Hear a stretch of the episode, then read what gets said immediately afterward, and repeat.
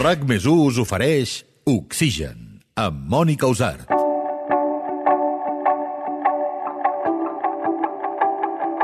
En aquest episodi entrevistem el pilot d'avió Jordi Martín.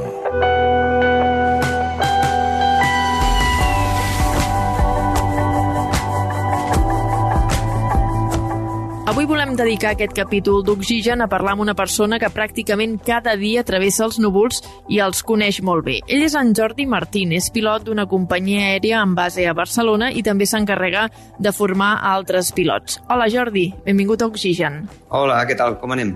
Doncs mira, volem parlar amb tu de moltes coses, sobretot relacionades amb el món de la meteo, però de ben segur que molts oients han vist fotografies teves a les xarxes i jo crec que tenen molt bona rebuda, oi? Sí, a la gent li agrada veure les coses des d'una perspectiva diferent a el que està acostumada i, i els que atrau la veritat totes les imatges que podem transmetre des de la cabina d'un avió, una tempesta o les boires o ciutats que estem acostumats a visitar prenen un caire diferent quan les veiem des de dalt.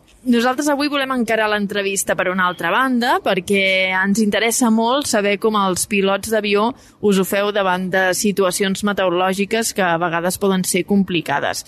Um, mira, deixa'm confessar que fa uns dies vaig compartir amb tu una estona dins d'un simulador de vol i ens vam trobar diferents escenaris meteorològics. És així com els pilots us entreneu per saber després, um, quan us trobeu una situació diferent o de risc, com heu d'actuar? Sí, sí, sí. Avui en dia el simulador és un element fonamental en el procés d'entrenament de tripulacions, tant a la fase inicial de formació d'un pilot que comença de zero com a la gent que ja està treballant en, en companyia, en línia aèria, i la meteorologia és un factor fonamental a l'hora de, de triar destins, a l'hora de, de preparar situacions i, i podem, tenim la sort de que la majoria de simuladors reprodueixen molt bé a qualsevol circumstància meteorològica i ens, ens ajuda molt, molt, molt a lo que és la, la formació i el manteniment d'estàndards en, una, en una aerolínia en quant als pilots. Llavors és prou realista, no?, si et poses dins d'un simulador i poses unes condicions concretes.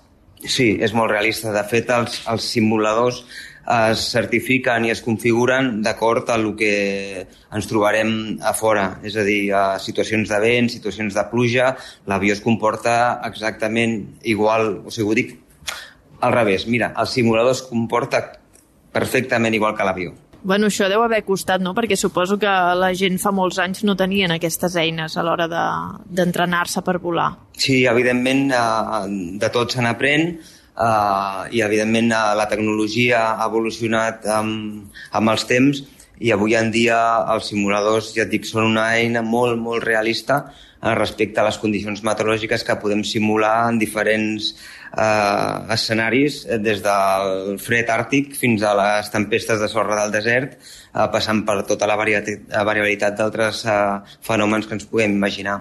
I, evidentment, el simulador, igual que els avions, han evolucionat cap a, cap a la seguretat i cap a l'eficiència. I a banda de saber com reaccionar davant d'aquestes situacions, que ara en parlarem de manera més profunda, eh, vosaltres, els pilots, teniu un coneixement extra del món de la meteorologia? És a dir, ens podríeu fer ombra als meteoròlegs? Sabeu interpretar mapes? Sabeu eh, com es comporta l'atmosfera? Teniu un coneixement més enllà?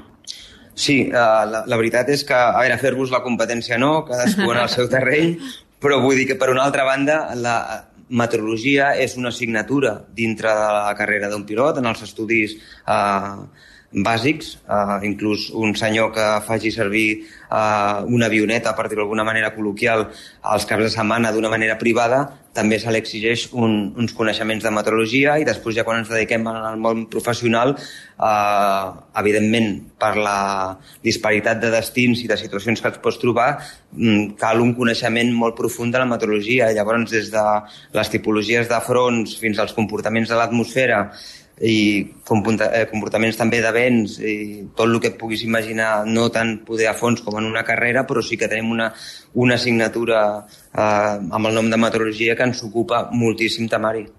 Ara m'ha vingut una pregunta al cap perquè, clar, suposo que segons els pilots no deveu volar per tot el planeta sencer, no? Segurament deveu tenir certes zones i llavors cada pilot deu tenir una formació específica del clima d'aquella zona. O és un genèric? És un genèric. És un mm. genèric, el que passa que, evidentment, per l'àrea geogràfica on, on volis, se t'enfocarà més cap a, cap a una banda o a l'altra.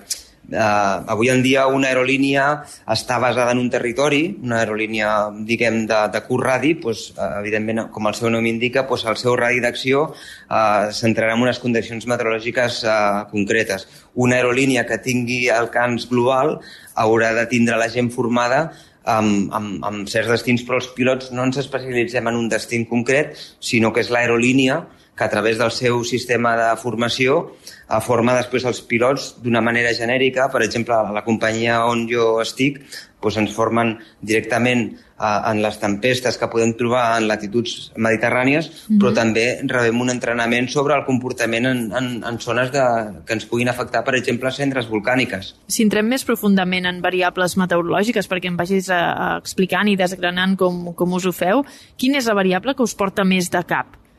És a dir, el vent, la pluja, la neu, el gel... Quin és la que us complica més, podríem dir? Eh, també és molt genèric, m'entens? Vull dir, eh, seria molt fàcil dir, mira, doncs és la, la, les tempestes... No. És depèn on a quin moment del dia i amb quines condicions de, de temperatura. Per exemple, no és el mateix tindre un dia de pluja intensa en una pista de 4 km i mig on l'avió necessita 3 per aterrar que un dia de pluja intensa amb una pista que faci 2.800 metres on tens que, que aplicar-te molt menys. Eh, el mateix, no és el mateix tindre unes condicions de baixa visibilitat un aeroport eh, que està equipat amb procediments de baixa visibilitat que quan vas a un aeroport que no té aquests equipaments i, has, i tens la visibilitat al, al límit per poder-hi entrar. Llavors, mm, si hem de triar entre una de les eh, variables que més ens pot portar de cap, sobretot, és quan hi ha temps relacionat amb tempestes o amb canvis sobtats de vent acompanyats de precipitació, no? el que seria una, una, una tempesta forta en un lloc determinat que segurament també està rodejat d'orografia complicada, doncs és, és el que ens porta una miqueta més de cap, almenys en, en el meu cas particular. Què passa quan us trobeu ventades fortes, eh, tant al, en l'aire com a l'aire com a l'aterratge?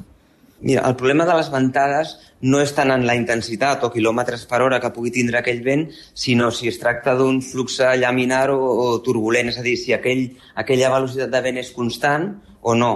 M'entens? Després, per una altra banda, també el que ens pot afectar molt respecte al vent és si el vent està realment encarat o no amb la direcció de la pista. Els avions tenen unes limitacions de vent creuat, que poden arribar fins als 38 nusos, aproximadament uns 65 km per hora, i tenen unes limitacions de vent en cua que, eh, encara que socti, són tan sols 10-15 nusos, poden ser uns 15-20 km per hora. Llavors, eh, un vent molt fort de cara, si és eh, llaminar, doncs no t'ofereix cap tipus de problema, inclús t'ajuda a enlairar-te, en canvi, quan és un, un vent turbulent, doncs has de lluitar una miqueta més perquè aerodinàmicament l'avió vagi d'acord a aquella corrent d'aire. I a tu t'ha passat alguna vegada, això que veiem amb imatges a vegades a xarxes socials, d'aquell moment final que dius estic a punt d'aterrar però de sobte em torno en l'aire i marxo perquè no ho veig clar? Sí, a veure, la, la maniobra aquesta de motor en l'aire és, una, és un procediment normal. Vull dir, nosaltres tenim unes, uns certs paràmetres a controlar abans d'aterrar. Quan aquests paràmetres surten de marge en quant a velocitat o configuració de l'avió o com presentes l'avió abans d'aterrar, si allò no et quadra, i uh, pot afectar la seguretat de l'avió, que no és el que et demani el cos ni el que jo intento, és el procediment em diu que allà aquella aproximació no la puc acabar, l'haig d'interrompre, interrompre, perdona, i haig d'anar cap a està. I evidentment m'ha passat, m'ha passat diverses vegades en llocs concrets, doncs et puc comentar Bilbao, et puc comentar Sant Sebastián, certs aeroports d'illes gregues, però també pot passar tranquil·lament aquí a Barcelona amb un dia de vents variables eh, i que la meteorologia es posi d'acord per complicar les coses. Vosaltres eh, teniu control de on hi ha pluges, on hi ha tempestes, suposo que amb una mena de radar com els que utilitzem els meteoròlegs, no?, per seguir aquesta evolució d'aquesta pluja. Uh, què heu de fer si trobeu una situació de pluja? L'esquiveu o podeu creuar-ho? Depèn del tipus de pluja, de desenvolupament del núvol, de què depèn? Aquí, si em permets un incís, sí. abans que, que controlem les tempestes, ojalà bueno, les poguéssim controlar. Les, no, no, ho dic veieu, més dur. Mira, veus, el Jordi ha dit que controlen les tempestes. Farem un ja titular, sí. no, aviam, nosaltres, eh, és com el que et deia abans del simulador i de l'evolució que ha tingut eh, eh, doncs tot el món de la tecnologia eh, ho veiem en el dia a dia amb moltes eines que fem servir doncs, doncs en, en el món de la meteorologia i sobretot amb l'aviació com han, han millorat els radars meteorològics és una animalada. Vull dir, abans simplement tenies un radar que, que et donava un, un reflexe i veies allà una taca i sobre allò doncs, tenies que evitar-la com poguessis perquè lògicament ningú amb el seu amb dos dits de front eh, s'endinsa dintre una tempesta però avui en dia tota la informació que tenim és a part de localitzar-nos les tempestes. Ens les presenta també com radars molt, molt similars que poden trobar aplicacions en diferents colors que ens donen una idea de la intensitat i de la, si tenim possibilitat de trobar pedra dintre o no, i inclús tenim eines també doncs, per determinar el seu perfil vertical, és a dir, jo puc arribar a saber fins quina alçada puc tindre aquell cumulonimbus uh -huh. o, o, o aquell tipus de núvols. Inclús també uh, si, si aquest, aquest tipus de tempesta em pot afegir un risc associat com és ciselladura o vent uh, canviant, perquè els mateixos radars analitzen el moviment de les partícules d'aire i ja no només és la tempesta en si en precipitació, sinó el comportament de la massa d'aire que, que, que, la circun... que està a prop d'ella i, i en el seu interior. Un avió no creua un cumulonimbus, no? No, no. Rotundament sí, no. Clar, el rodeges. El rodeges, el rodeges mm -hmm. i amb molta distància també, vull dir, depèn del tipus de cumulonimbus que vegis i en, la, i en l'etapa de formació de la pròpia tempesta l'esquives amb més o menys distància, però el, el passa sempre amb una distància molt prudencial perquè, vull dir, inclús evitant-los pots tindre turbulència associada, llavors es tracta de primer buscar la seguretat i després el confort del passatge. Clar, i si el creuessis, què passaria ara fent una mica de ciència-ficció? Home, pues, eh, imagina't entrar amb un cotxe a 850 km per hora dintre d'un túnel de rentat ple de, de boles de la, de la loteria primitiva o de la donant voltes allà. Lògicament podria patir danys estructurals molt forts i, i, i ha passat a vegades, ha passat a vegades amb avions que han tingut en el passat pues, problemes amb els radars o inclús radars inoperatius que per, per, uh, doncs per algun error de càlcul han, han acabat entrant dintre de tempestes i, i si han sortit, han sortit molt mal parats i ja et dic, també depèn del tipus d'avió, de la velocitat d'entrada i, i lògicament doncs, un, un, un cumulonimbus que tingui associat a qualsevol tipus de pedra dintre, eh, estructuralment et pot rebentar els vidres, et pot, et pot eh, deixar el fuselatge tocat i, i, i és molt perillós, vull dir, evidentment ningú entra dintre una tempesta, no. eh, tothom li donem la volta, no, no. I què passa si cau un llamp a un avió? Bueno, l'avió actua com a caixa de Faraday, vale? Mm -hmm. vull dir, és, és, fa com d'una gàbia, llavors l'avió entra per un punt i surt per un altre punt de l'estructura sense afectar eh, el que hi ha a l'interior. Antigament quan els avions estaven uh, pitjor aïllats per d'alguna manera, et podia afectar, tot i que es comportava igualment com una caixa Faraday, però sí que et podia afectar algun equip uh, electrònic en, quan em refereixo a ràdios o a algun equip de navegació que lògicament els avions van duplicats i inclús triplicats. No? Uh, jo us aconsello alguna vegada si passeu a prop de les ales, per la part de darrere veureu que li surtin com uns pèls, com uns bigotis, de, i allò que tenim, eh, aquestes estructures es diuen descarregadors d'estàtica, de, llavors, per exemple, quan cau un llamp, l'energia estàtica que quedi, la corrent estàtica es dissipa a través d'aquestes d'aquestes estructuretes, no? que són, ja, ja et dic, són com uns filferrets. Ens hi fixarem el proper cop que fem mm. un avió.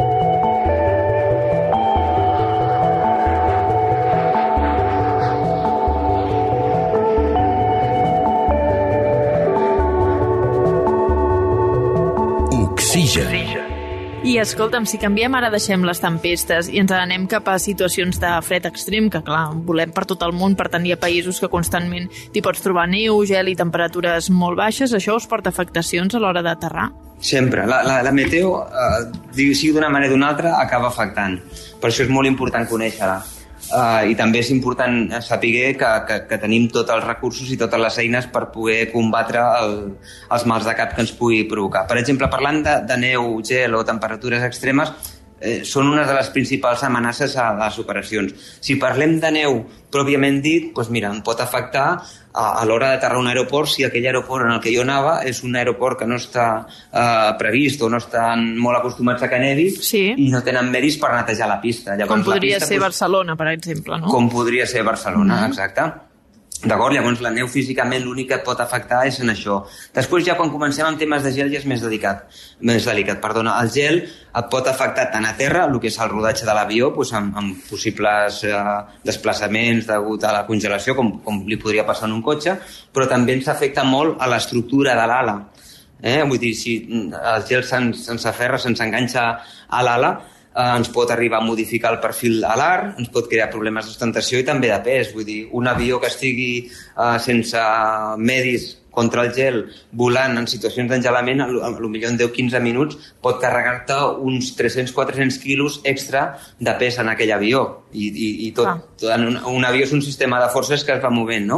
I, i llavors, bueno, pues, evidentment els avions tenen els seus sistemes antigels i després a terra també, no sé si la majoria dels oients i tal alguna vegada s'haurà fixat pues, en, en segons quins aeroports, amb operacions de, de, de neu, de gel i tot això, pues, abans d'enlairar-nos també ens, ens rutxen tot l'avió amb, un, amb una barreja d'alcohols i tal per tindre l'avió en net abans d'enlairar-nos. I si anem cap a l'altre extrem totalment, cap a països on us trobeu calor molt extrema, allò temperatures per sobre els 40 graus o fins i tot 50, tempestes de sorra, una situació així, té afectacions també? Mira, la calor intensa, el principal que t'afecta és la densitat de l'aire, no? A més temperatura, doncs la densitat de l'aire es veu molt afectada i llavors l'avió necessita eh, per una determinada pista pues, molta més velocitat. Aquesta velocitat o, eh, només es pot aconseguir eh, la pista és la que és, la velocitat serà la que serà i llavors només em pot servir amb reduint pes. M'entens? Vull dir, llavors, quan, quan anem a llocs amb moltíssima calor, el pes màxim amb l'allargament de l'avió depèn molt de la temperatura que hi hagi en aquell moment.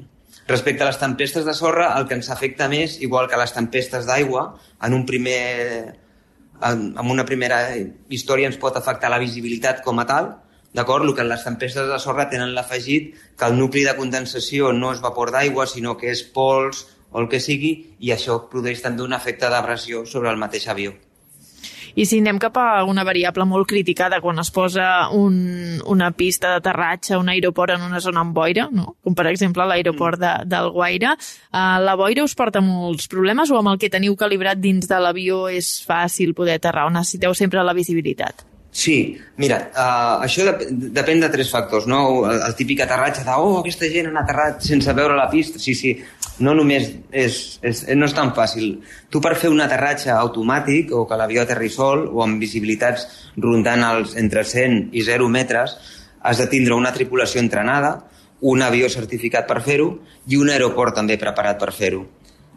Llavors el problema amb les boires, com tu bé dius, mm, depèn molt de, de quin tipus d'aeroport tenim. No és el mateix fer un aterratge de baixa visibilitat a Barcelona que al Gaire. Eh, al final, i, i sempre anem a morir a lo mateix, no? que és tema pressupostari, tema de, de diners i de més. No? I al final, quin número d'operacions tinc jo a un aeroport com Barcelona, com Londres, com Madrid, com París, o tinc les, quin número d'operacions tinc al Gaire? Val la pena invertir en certificar una, un aeroport amb aquestes característiques o en un dia molt determinat ens quedarem sense avions? Eh, és així. Ah. Llavors, quan tu vas a aeroports on, on hi ha molta activitat, no et preocupis, que l'aeroport està preparat, l'avió està preparat i, i els pilots estan preparats. Llavors, aquestes combinacions et deixen operar on sigui. Fer un aeroport o no en un lloc que és típic de boires, doncs ja no, no, no en depèn qualificar-ho a mi, Clar. sinó als tècnics que van decidir en aquell moment fer-ho allà, no? Clar. I això ja són figues d'un altre paner. Exacte, no ho tocarem aquí. Quina és la situació meteorològica més extrema que t'has trobat tu personalment? Jo personalment, la situació més extrema que m'he trobat és mm, un, un, un windshear, no? un, un, una cisalladura d'una corrent d'aire associada a una tempesta que ens quedava lluny de l'aeroport, la pista estava clarament eh, neta, i anem fent l'aproximació i anem tindre uns vents molt forts associats en, en, en fenòmens associats a la pròpia tempesta que ens van, ens van provocar uns, uns vents de cisalladura molt forts i anem tindre que, que frustrar l'aterratge i marxar, però és, és la situació més extrema eh, que m'he trobat. I, i amb això voldria dir també que, que dintre de tot aquest món de l'aviació i sobretot de l'aviació comercial on ens estem movent no és com sortim de les coses, que tenim eines i tenim recursos, sinó com ens preparem per no acabar entrant en certes situacions. Vull dir, nosaltres, abans d'entrar en una situació que pugui portar un risc associat, hem de valorar molts i molts components d'acord per decidir si continua o no continua una aproximació, un enlairament o, o el que sigui. A partir d'aquí, evidentment, sempre hi ha una component que tu no controles, que la natura en, en, en minuts pot variar molt i trobar-te enmig. I llavors tens unes altres eines doncs, per sortir d'aquí. Et ve al cap algun accident d'avió que hagi tingut a veure amb, amb el temps, el més greu que, que recordis?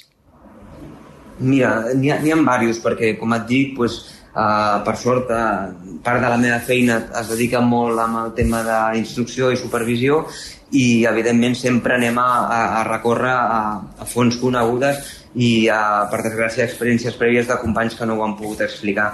Mm, així comentar-te un per sobre, doncs, podria dir a l'Air France aquell que va caure a l'Atlàntic, sí. val? que van desaparèixer del radar, no se sabia per què i tal, i al final va ser originat per un problema de gel en uns sensors. Val? De, després sempre hi ha el component humà que li podem donar mil voltes, d'acord? Però vull dir, va ser originat pel gel. Un altre accident eh, originat eh, per, per culpa de gel va ser un, un accident que va haver-hi als Estats Units, un avió que va caure directament al riu Potomac i també va ser originat per un, una congelació d'unes tomes que donaven eh, potència al motor. En temes de visibilitat, doncs, evidentment, avions que estan menys preparats eh, amb, amb problemes de visibilitat degut a precipitació doncs, eh, han pogut tindre, tindre problemes serios, però ja et dic jo, mm, eh, i és un, és un accident que fem servir molt, sobretot a la flota on jo estic treballant i pel tipus d'avió que volo, aquest de l'Air France que li donem moltes voltes a, a per què va passar, com va passar i, i com ha evolucionat tot perquè no torni a passar, sobretot. Clar, d'aquesta manera aneu aprenent de, de tot el que va passant. Escolta, et faré una última pregunta una mica polèmica, potser, però em vas molt bé perquè tu vas dalt dels avions. I és que què en penses d'aquestes esteles d'avions que hi ha gent que considera que són productes que se'ns estan llançant a sobre, eh, sigui per aturar la pluja, perquè hi hagi sequera o per repartir um, malalties entre la gent, aquests chemtrails? Jo, jo puc xerrar, si vols, de les esteles de condensació, que no tenen res a veure amb els chemtrails, perquè no vull ni, ni comentar-ho ja en l'aspecte de que és que per, per mi Eh, com a comandant d'una aeronau que jo o sigui, estic supervisant contínuament eh, tot el que se li carrega a l'avió, inclòs el, el, el combustible, jo et puc garantir com, com a comandant d'acord que, que a l'avió no se li carrega res més que no sigui carburant. Per altra banda, les esteles de condensació s'han format sempre, es continuen formant i es formaran. Uh, hi ha dies que en veiem moltes, hi ha dies que en veiem molt poques, però com tu saps, tot això depèn també de mol molts paràmetres en quant a la densitat, temperatures de l'aire i de més. Sí. Poca, poca cosa més a comentar, vull dir, jo, la, la gent pot tindre el seu pensament lliure que vulgui, però també, i evidentment, he llegit molt sobre el tema, uh, n'hem parlat altres vegades amb companys teus i amb, i amb altres tipus de, de foros, i, i, i no, no li veig sentit des del punt de vista professional meu. Vull dir, eh, avui en dia els avions, ja et dic, es carrega combustible, els avions fan rutes molt llargues, els avions volen a, dis, a diferents alçades, hi ha alçades que condenses i hi ha alçades que no condenses. Hi ha deixants que duren més temps hi ha que duren menys temps i tot és una qüestió de components meteorològiques. Mm, no hi ha res més. Doncs mira, ens quedem amb això, que ens va molt bé per acabar, i escolta'm, Jordi, moltes gràcies per compartir aquesta estona amb nosaltres en aquest podcast d'Oxigen, i que vagi molt bé i espero tornar a parlar amb tu aviat, perquè crec que ens podríem estar una hora més xerrant quan vulguis uh, i també donar-te l'enhorabona pel teu llibre. Moltes ja, gràcies. Vaig que la presentació va anar molt bé. Va anar tot molt bé. I en volem, en volem més. En volem més, doncs perfecte. Mira, potser podem fer alguna cosa junts. Doncs pues clar que sí. Moltes gràcies, molt bé, Jordi. Doncs encantat de col·laborar amb tu. Que vagi bé, cuida't. Igualment. RAC més us ha ofert Oxigen, el podcast amb Mònica Usart i el disseny de so de Salva Coromina.